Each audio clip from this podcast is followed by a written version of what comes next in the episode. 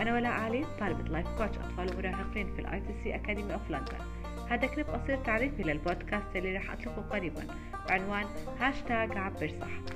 من خلال هذا البودكاست راح أشارككم وأساعدكم وألهمكم من كتب ودراسات قرأتها ودورات أخذتها وأشخاص ناقشتهم عن التعبير الصح عن المشاعر وكيف بيأثر وشو أهمية التعبير الصحيح على حياتنا وحياة أطفالنا بشكل خاص. رح نحكي عن المشاعر الإيجابية وكيف نعزز كل شعور بشكل مفصل في حياتنا. وكيف نعلم أطفالنا يعبروا عنها؟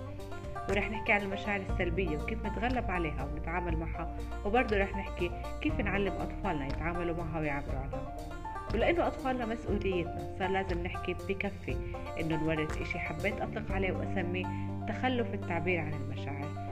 رح أبلش قريبا. ضيفوا البودكاست واستنوني بديسمبر 2022